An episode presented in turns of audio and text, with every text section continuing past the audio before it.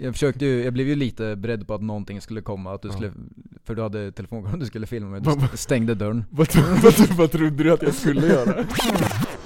Ja, hej och välkomna till podden Machokulturen med mig Attila Joll... Nej fy fan heller, jag tänker inte Jag eh, är ju från Norrköping men jag tänker inte vara så östgötsk i denna podd eh, Hej och välkomna till podden Machokulturen med mig Attila Joldash.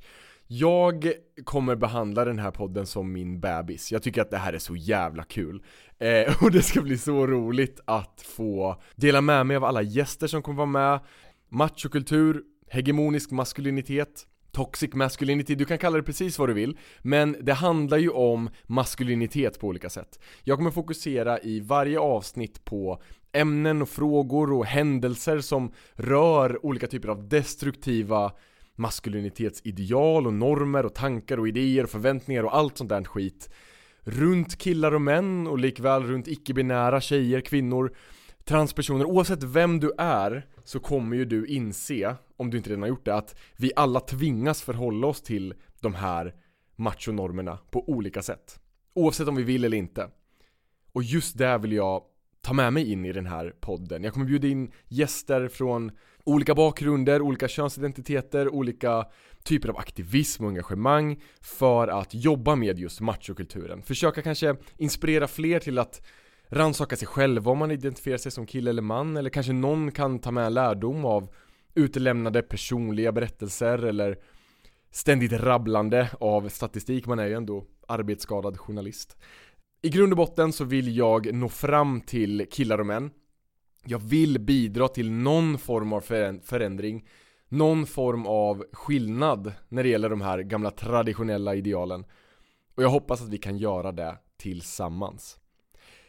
Med det sagt så dyker vi rakt in i den här poddens första säsong. Oh my goodness! Det första avsnittet kommer rulla alldeles strax från en studio i Kista. Och det, det här är inte ens ett betalt samarbete men jag spelar in på Comfort Hotel här ute som är schyssta och låter nya poddare använda deras studio här. Så jävla grymt och fint att de vill stötta på det sättet. Men innan det är dags så vill jag också bara nämna att jag, alltså jag ser inte mig själv som någon expert i det här, jag jobbar såklart, det är ett ständigt pågående arbete med att jag själv rannsakar mig själv och försöker hitta min plats i de här strukturerna som har suttit historiskt sett hur länge som helst. Jag vill utforska de här frågorna tillsammans med människor som har koll på olika frågor, människor som jobbar med den här typen av problem, alltså våld och sexism och kvinnohat och transfobi och homohat. Alltså alla de här frågorna som på olika sätt kan kopplas till maskuliniteten. I olika grad naturligtvis. Det är någonting som jag vill lära mig mer av och någonting som jag vill dela med mig av. Jag hoppas att vi kan hämta någonting ur det ihop.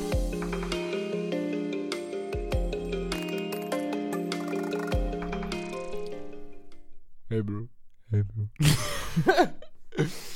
det här är alltså det första avsnittet av eh, podden Machokulturen.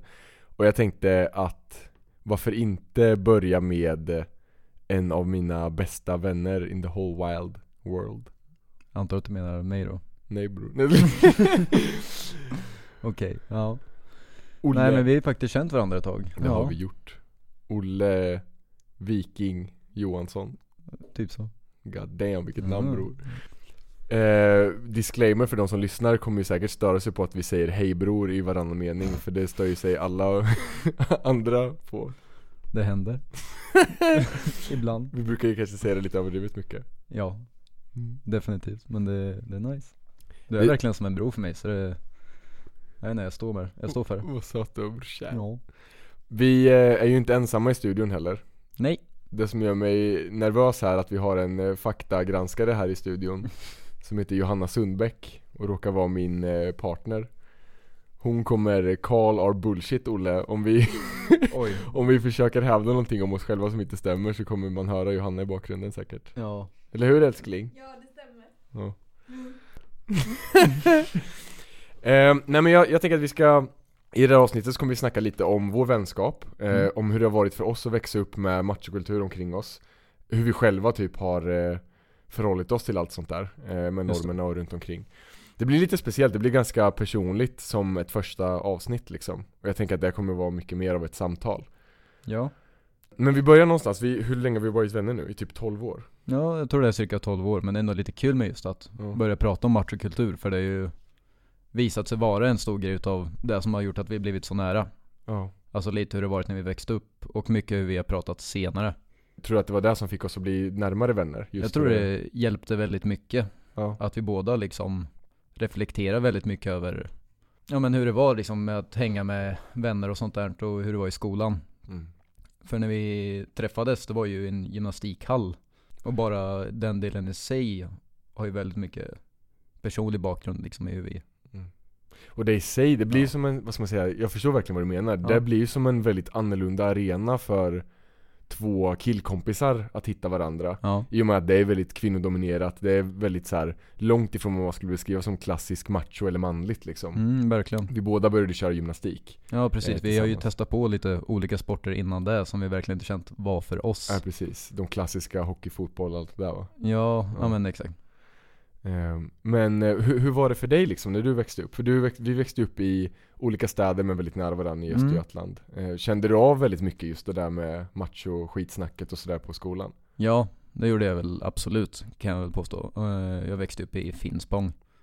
Ganska liten stad och eh, träffar väldigt många av småstadsnormerna eller vad man ska säga, fördomarna mot en småstad.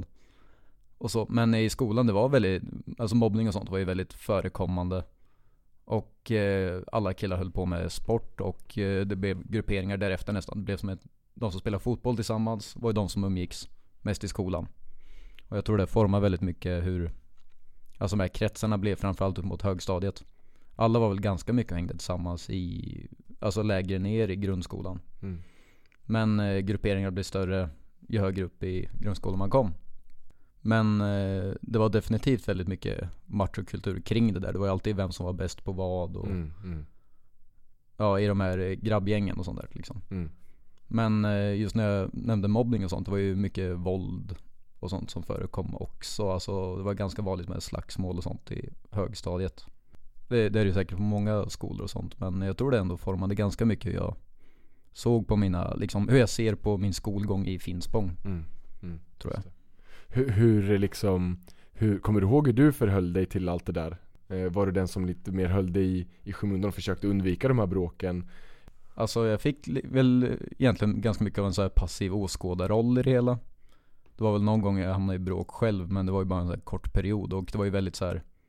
Det var ingen som brydde sig om det. Det var liksom inget snack om det och De vuxna också sket i det liksom eller? Ja eller det liksom allting separerades så fort som möjligt. Ja. Men man hörde aldrig någonting om någon uppföljning. Och så där även någon gång jag hamnade i bråk, det var väl Jag tror inte ens de ringde hem till föräldrarna eller sånt där. Nej. För ingen fick reda på så värst mycket om det. Nej, det var, det var precis så för mig också. Alltså Ja. på, på den skolan där jag växte upp, särskilt i högstadiet så var det ju de här klassiska skojbråken mer eller mindre varje dag och det, det, då var man alltid så nära den där gränsen till när någon fick ont på riktigt eller inte ville mer eller så här, att det blev väldigt hårdhänt så. Mm. Eh, det var ju flera gånger, det var ju en av mina nära kompisar då, killkompisar som blev misshandlad mitt framför typ hela våran klass i korridoren. Där vi polisanmälde och vittnade och allt det där. Men det var ju också typ så här, alltså läraren adresserade inte ens det på något sätt när vi tog upp det liksom och Mm. Men ni tog eh, upp den då? Ja, alltså jag och eh, han som blev misshandlad och Ja. några fler vittnen försökte ju prata med våran lärare som var Okej. liksom, det var ju våran korridor. Men eh, det var också en så här klass, det, det, man fick verkligen intrycket av att säga, ja ah, men vad ska man göra? Det är ju så killar håller på liksom. Ja, Eh, verkligen. Jag kommer ihåg en grej, att det var någon som hade varit väldigt bråkig.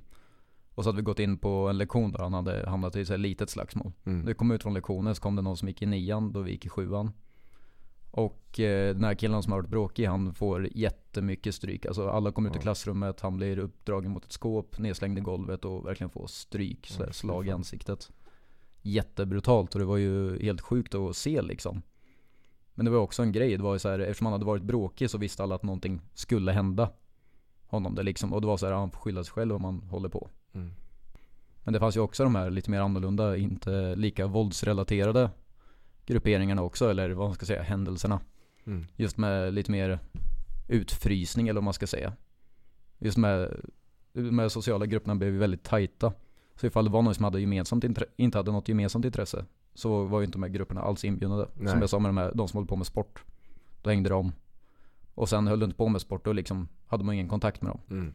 Det blev de här klassiska grabbgrabbarna som Ja. hade sina så här grabbgrabbiga intressen Nej, exakt. Men det är, det är så typiskt också liksom Och det, det märktes ju att I alla fall på, på, för oss så var det ju så att även de som Var de här stereotypa killarna Som Mm. verkligen aktivt engagerar sig åt den här typen av alltså Typ sexism och våld och alla den typen av negativa delar av Maskulinitetsidéer Mm. Eh, även de blev ju utmanade hela tiden om så här, vem som är mest macho av dem. Det var ju liksom ingen som var eh, alfa eller vad man ska säga Mm. hela tiden. Utan man var alltid så här, minsta lilla snedsteg så var man ju på väg ner i den här hierarkin. Just det. Men, eh, men hur för jag relaterar verkligen till det du säger det här med den här passiva åskådarrollen. Mm. Jag var ju också inne i de här skojbråken ibland liksom och försökte att så här, undvika att bli förhånad och mobbad. Mm. Men utöver det så var ju jag främst också en passiv åskådare som hörde och såg skit som jag borde ha sagt ifrån mot. Och det här var ju liksom i de unga tonåren.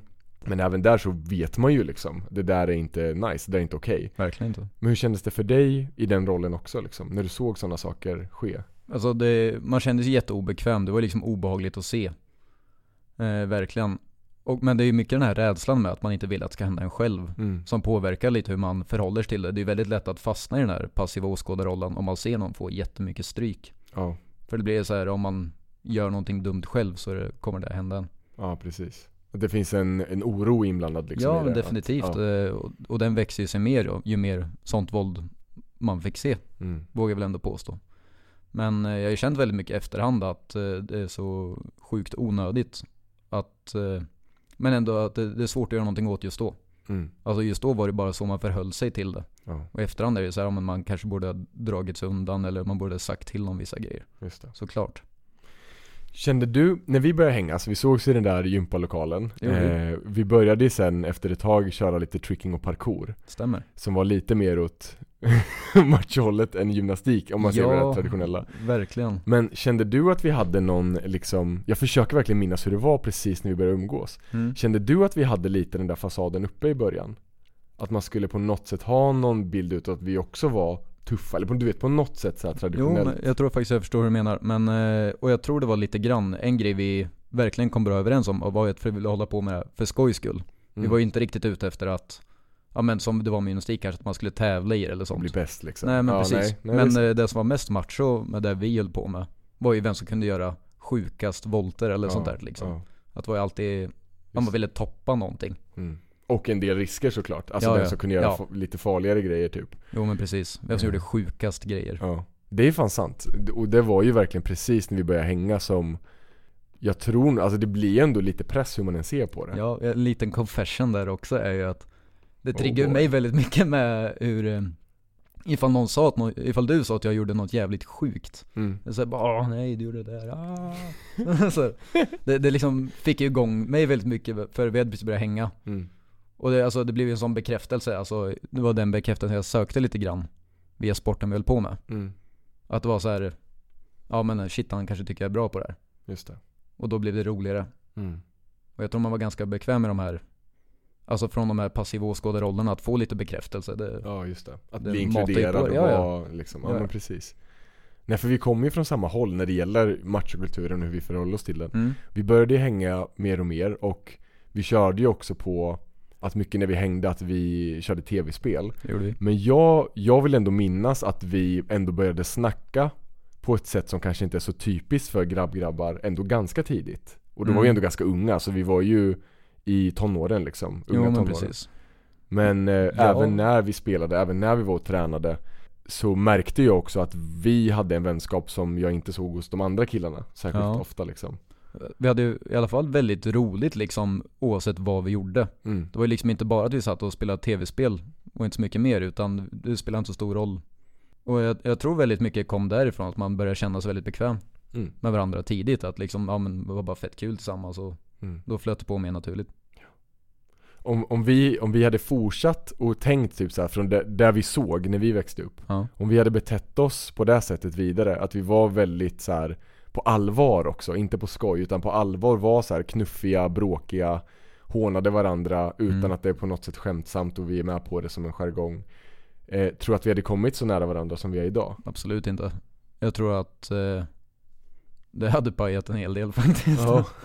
Nej men verkligen för eh, Alltså hur vi började snacka, eh, att vi liksom bara kunde hänga hos varandra Mm. Så pass mycket och bara, ja men göra whatever.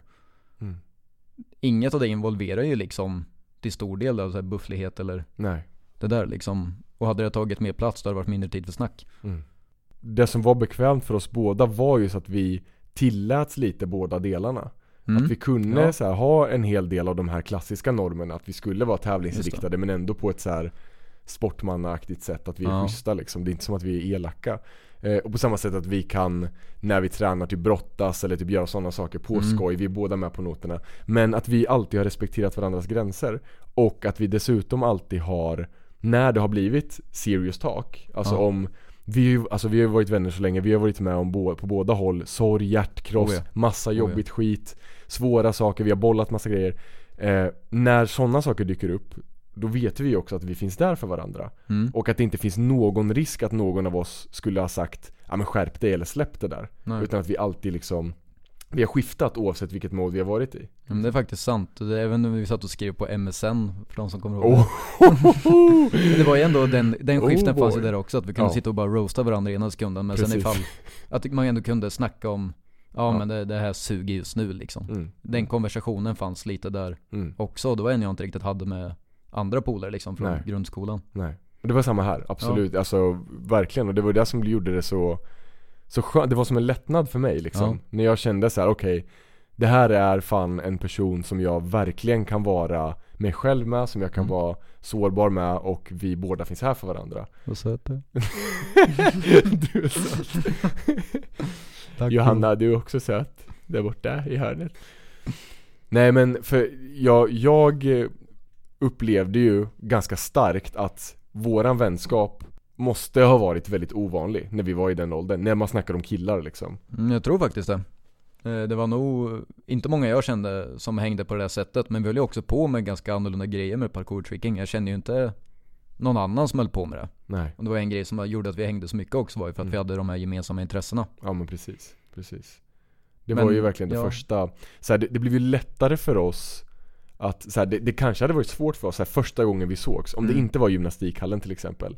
Eh, om, om det hade varit mer krasst pang på vi hamnar i en situation där vi måste sitta och prata bara i en timme. Då kanske det hade varit ännu tydligare för oss att så här, okej man kanske ska vara lite tuffare, man kanske ska hålla tillbaks lite Ja. grann för att vara på säkra sidan du vet. Men plötsligt så var vi i ett sammanhang där det var så här: okej här brukar inte killar vara. Det känns Nej. som att vi redan var över som någon form av tröskel. Ja, ja men faktiskt. Jag tror att den här parkour-trickingen var en väldigt bra icebreaker för oss. Ja, ja gud ja. Just för att vi båda inte kände att vi hade de här liksom eh, sociala grupperna kring vanlig sport, alltså med handboll, fotboll, hockey. Mm, Hade vi inte haft det så hade det nog varit mycket svårare mm, mm. faktiskt. Jag tror också att det är svårare att hitta det. Alltså just när man om vi går tillbaks till det här med så här, det, vanligaste när vi växte upp var ju att killar körde just fotboll eller hockey, så lagsporter Ja. där det är mycket killdominerat. Eh, och där också tänker jag mycket lättare att man hamnar i de mönstren. För man, man vill ha lite så här en mall om hur man ska agera, hur man ska förhålla sig till andra killar. Och då hamnar man i de omklädningsrummen, man hamnar i de Just matchsituationerna. Lagsport. Ja men precis. Ja, men så här, den, den klassiska liksom eh, nidbilden av ett machosammanhang. Ja. Jag tror det är mycket, mycket svårare att bygga en sån vänskap, i alla fall på så kort tid som vi gjorde. ja, Om man hamnar i det sammanhanget direkt liksom. det kan det nog faktiskt vara. Det tror jag. Alltså att det blir så mycket mer tävlingsinriktat och att det inte ger så mycket utrymme för att man bygger några närmare band. Nej. Och jag tror många, många inte tar det steget i ung ålder. Mm, mm. Det som är nice, och så, så här, jag kan tänka mig så här, om det är någon som lyssnar på det här nu eh, Som kanske tolkar det vi säger som att vi bashar just fotboll och hockey i sig Som att det skulle vara något negativt. Det är klart att det inte är det. Och ett tydligt exempel, om vi, om vi nu ska ta så klassiska grejer som snubbar gör som vi fortfarande gör än idag Är ju att vi spelar tv-spel ibland när vi hänger Mm. Ibland kanske var en underdrift, men ja, Johanna ser lite tveksam ut där borta. Vad är, klarar det där faktagranskningen eller? Räknas 10 timmar som lite. Kan, kan vi säga Johanna att vi spelar tv-spel ibland, eller är det en underdrift? Det vet jag inte. Du, på morgonen. du behöver inte vara diplomatisk. Vad heter det? Nej men vi, vi spelar ju tv-spel sporadiskt. I små doser, lagom mängder tv-spel. olika mängder.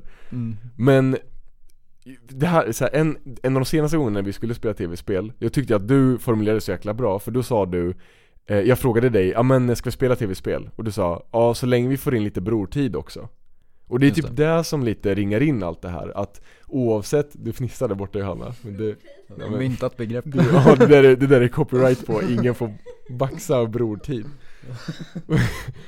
Nej men, du menar ju liksom quality time, att vi ska Exakt. snacka och göra någonting Ja. meningsfullt också Ja men precis, det där Eh. kvalitetshänget när vi pratar ut lite grann om Precis. var, vart vi är just nu.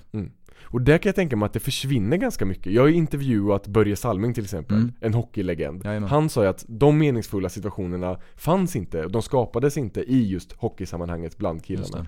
Eh, då var det, man kom dit för att göra den där grejen, man skulle vara hård i, i liksom matchsammanhang, man skulle vara tuff i omklädningsrummet och skämta och dryga och allt det där. Och det fanns inte så mycket utrymme kvar till att vara sårbar eller prata om någonting annat inför hela den gruppen.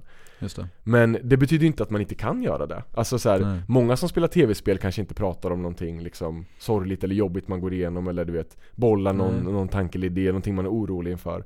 Men vi skapar ju de sammanhangen även i det som kanske skulle vara ganska macho. Även om vi skulle köra parkour eller vad det nu skulle vara liksom. Ja, ja men eh, verkligen jag tycker att vi är, ja men på något sätt har det bara kommit väldigt naturligt för oss att bygga upp Mm. den tiden liksom, eller att kunna ta oss den tiden medan vi gör de saker vi hade som gemensamma intressen. Mm. Mm. Eh, verkligen så. Mm. Var det svårt, var det något eh, liksom tillfälle när vi lärde känna varandra som du tyckte att det var svårt att prata om sådana saker liksom? Kommer du ihåg något sånt? Nej, menar du just att så här, ta upp jobbiga grejer och sånt Ja. där? Ja. Nej, alltså inte som jag reflekterar på spontant, utan eh, jag tror faktiskt inte det.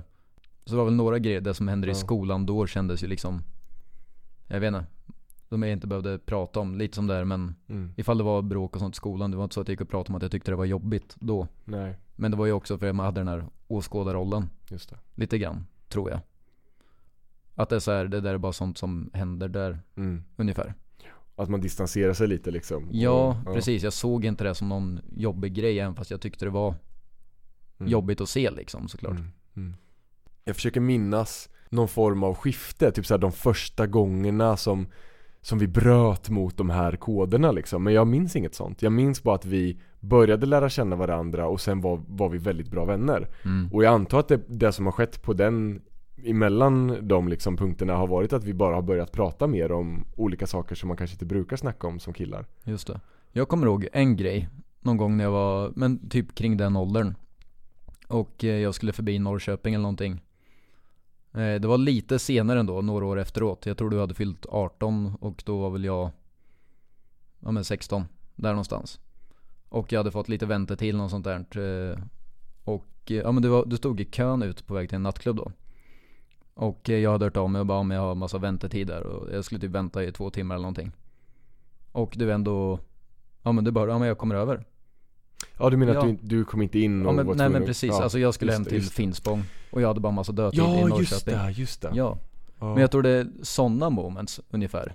ja. Som har betytt extremt mycket för mig i det- kring det här skedet. Mm. Då hade vi ändå börjat snacka lite mer. Mm.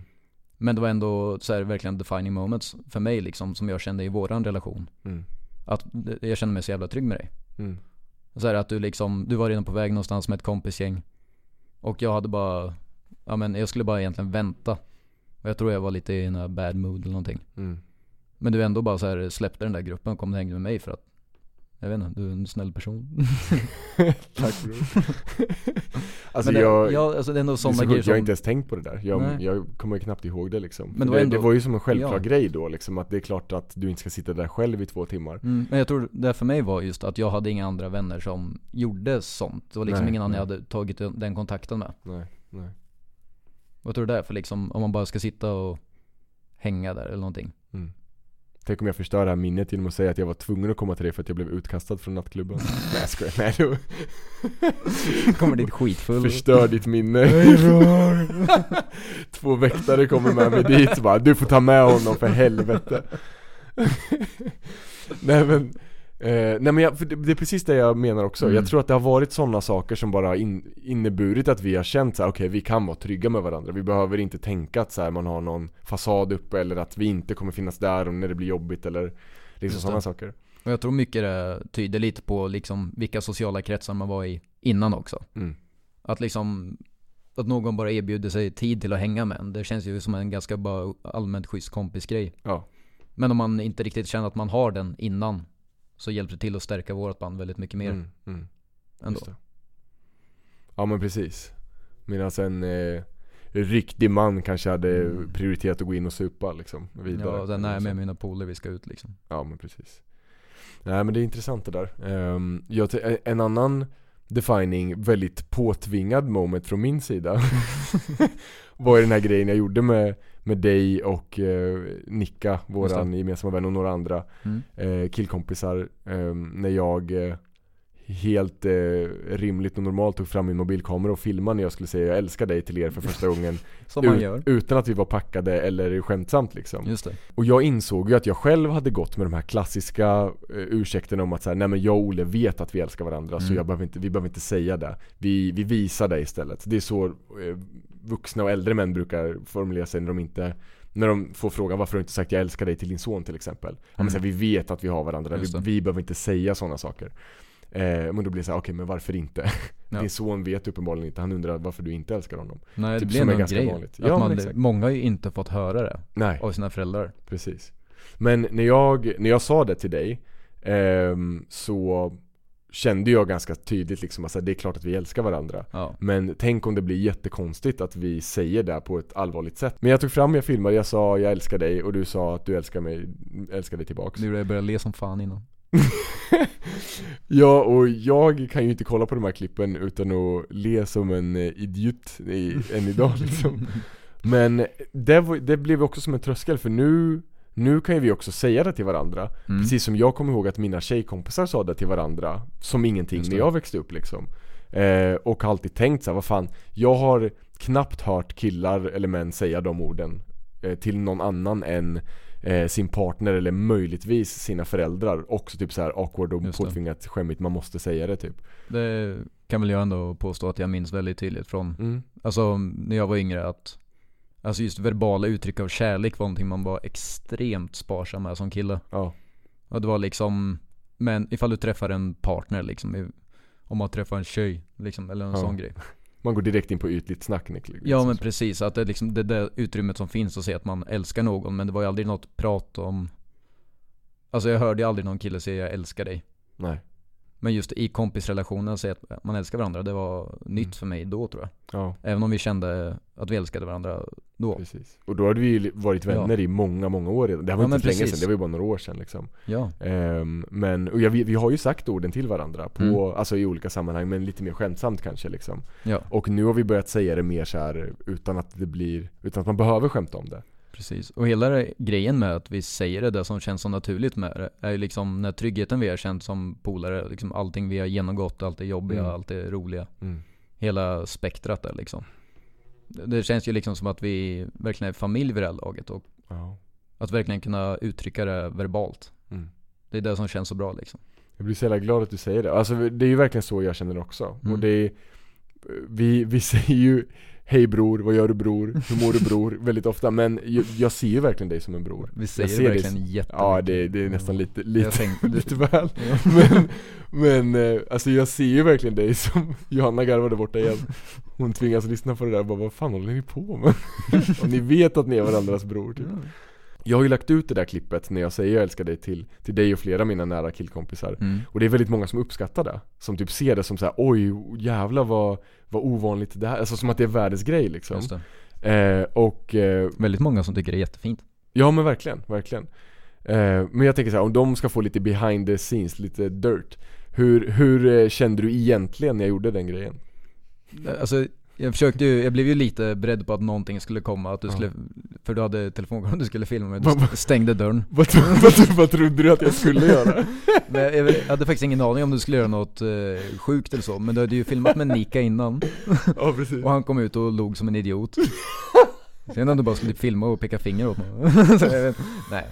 Men eh, jag hade verkligen ingen aning. Men eh, det var ju lite den här vevan du ändå Din inställning till vänskapsrelationer hade förändrats lite grann i samband med Ja men den här boken som du läste av Hampus. mm. Eh, och det har varit lite snack kring det, att eh, det känns som att du hade Ja men eh, lite av det snack vi hade, jag minns inte exakt Men det hade varit lite mer orienterat kring Ja men hur vänner, vad vänner säger mot varandra och sånt Mm. Mm. Så det kändes ju inte som att jag skulle göra något elakt Nej. i alla fall. Nej. Men eh, jag vet inte, jag tyckte bara, det var en liten varm känsla i kroppen. Mm. Ja men det är väl jättebra. Mm. För det var så här, jag, jag var ju också inställd på att så här, det, det spelar ingen roll om ni säger det tillbaks eller inte. Det är Just liksom det. inte heller poängen. Eh, jag kände ju så här: okej jag vill ju att Olle och de andra ska veta det här, bara svart på vitt. De ska inte ens behöva ha en enda tankes tvivel om att jag inte känner så. Eh, så det var ju därför jag kände att det var viktigt att göra det. Mm. Eh, och sen också så känner jag nu efter det där att det känns alltså bara astryggt liksom. Att vi kan säga det som, alltså, som i vår vardag. Det som känns så Eh. märkligt att det, att en grej båda känner och man ändå har känt varandra väldigt länge. Ja. Men det gör så stor skillnad att faktiskt säga det. Ja men precis, och man kan, du och jag gick ju båda runt med tanken om att så här, vi, bör, vi vet att vi känner så Ja men exakt. Men när vi väl har sagt det så känns det såhär, ja, vad fan varför har vi bara inte sagt det då liksom? Ja, men precis, men eh, det blir också att just de orden har varit så laddade om man inte har sagt dem till sina nära Ja, tidigare. Så det kän- kändes ändå som att även andra grejer blir lite lättare att prata om när man kommer över en sån barriär eller man ska säga. mm. Som man byggt upp för sig själv under flera år. ja men verkligen. Det blir så, det blir så laddat liksom. Ju Mm. längre tid det går och ju fler män och killar man lär känna, pappa, kompis, kollega, vad det nu kan vara liksom. Mm. Där man eh, inser att man är emotionellt väldigt långt ifrån att säga sådana saker, eller Ja. visa sådana saker. Desto hårdare liksom befästs ju de tankarna tror jag. Att man inte ska säga sånt som kille. Eh, Mm. för att man är så van vid att det inte finns på bordet liksom. Ja, Du ser bekymrad ut. jag hade en rap. Oh shit. Ja. Du, du var artig och Jag försökte vända bort svalde den. Mm. Det är bra bror, tack. du får rapa, jag kan klippa bort bara. Du kommer inte kliva bort It's a trap. It's a trap. Jag har ju tagit med mig mycket därifrån Utifrån hur vi har lärt känna varandra För mycket av det har ju gått ut på hur jag vill bemöta andra just när det kommer till att sätta gränser och vad man Mm, mm. Alltså hur man snackar med folk Ja. Och jag tror mycket av det i skolan med Man märker ju lite på vissa att eh, Vissa bara är allmänt dryga även fast det är på skoj Men om man bara är det hela tiden liksom om man säger taskiga saker på löpande band det är liksom Mm, mm. det, det är lite svårt att kalla jargong ifall du beter sig Ifall du beter dig lite drygt även om du tycker det är på skoj mot alla Just det. Alltså ja, de men grejerna. precis, det är, ju, det är ju helt sant. Jag är helt med dig på den, Ja. på den bollen.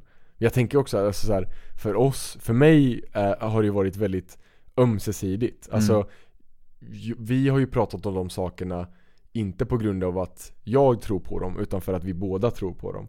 Alltså att vi tror på eh, en värld som ska vara inkluderande eh, och inte vara svinig liksom. Ja, Alltså det handlar ju om att, det handlar inte om att någon av oss har påtvingat värderingar på någon annan utan det har ju klaffat för att vi just båda är jävligt trötta på machokulturen och det förhållningssättet. Vi har ju hittat varandra och blivit så bra vänner på grund av att vi har brutit mot alla de sakerna tillsammans liksom. Jo, vi har också Ehm. kunnat prata väldigt mycket om de situationer som uppstår När man kommer i kontakt med människor och man kanske liksom Mm.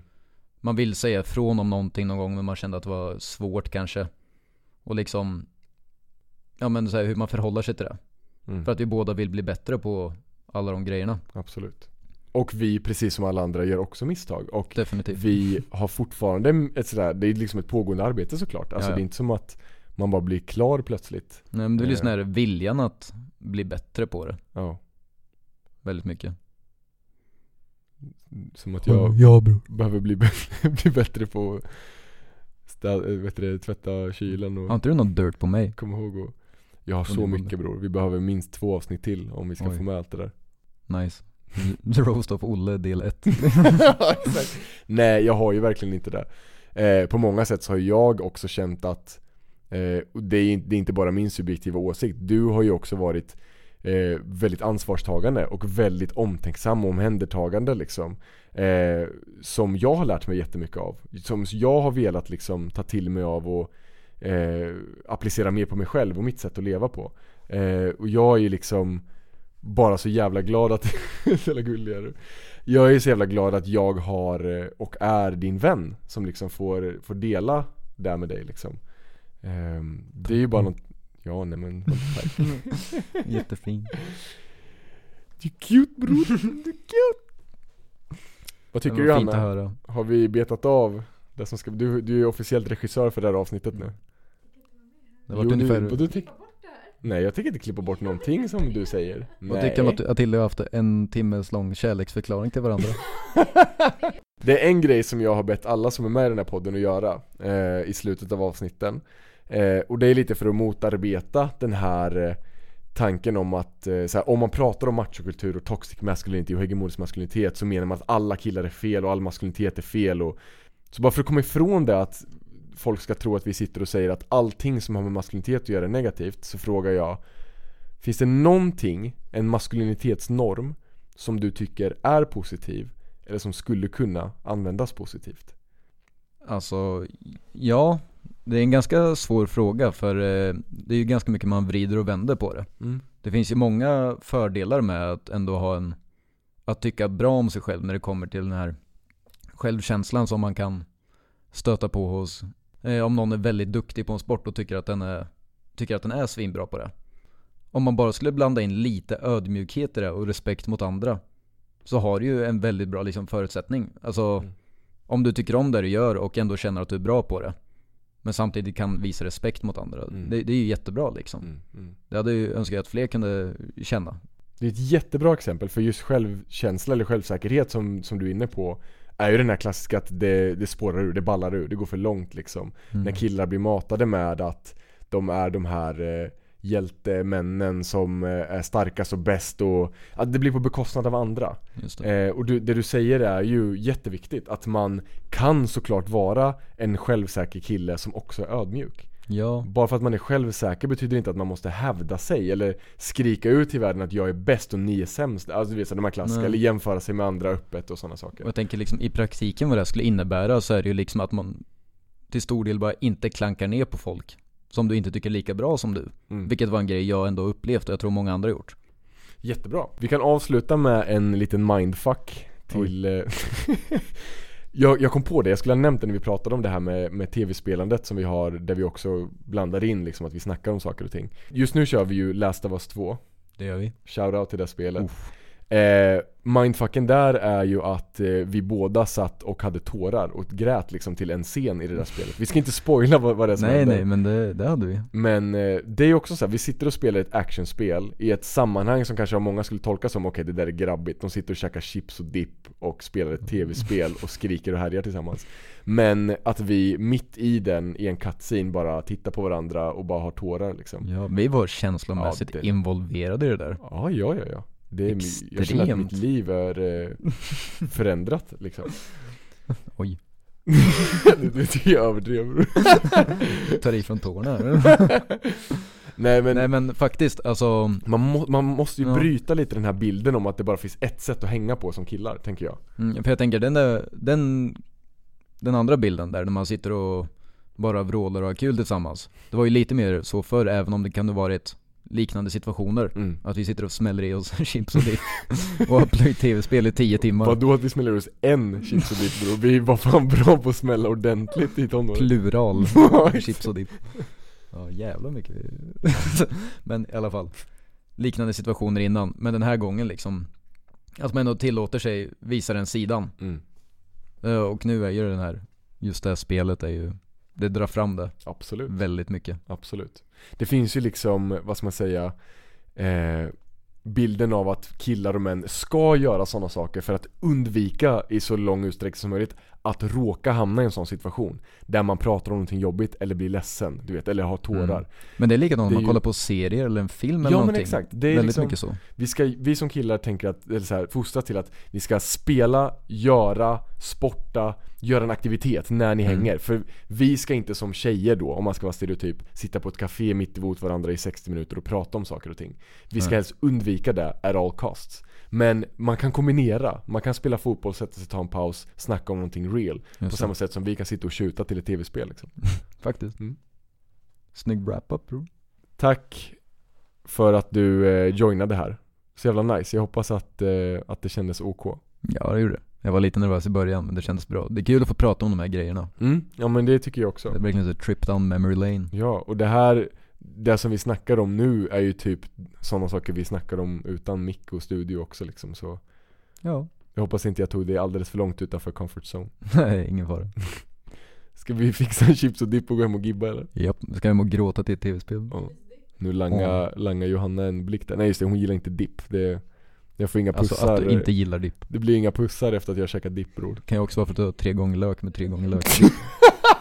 det, det är sant. Det är din mage som... Vi, vi ska inte gå in på min mage, hur den fungerar Johanna. Anyways. Vi, vi, vi avslutar där. Japp, jag har problem med att hantera vissa Du produkter. Nej, vi... Tack älskling för att du har varit med här också. Det, det kan jag också säga. Tack, älskar dig. älskar dig också Olle. Ska dig bror och den här. Fy fan! Hejdå!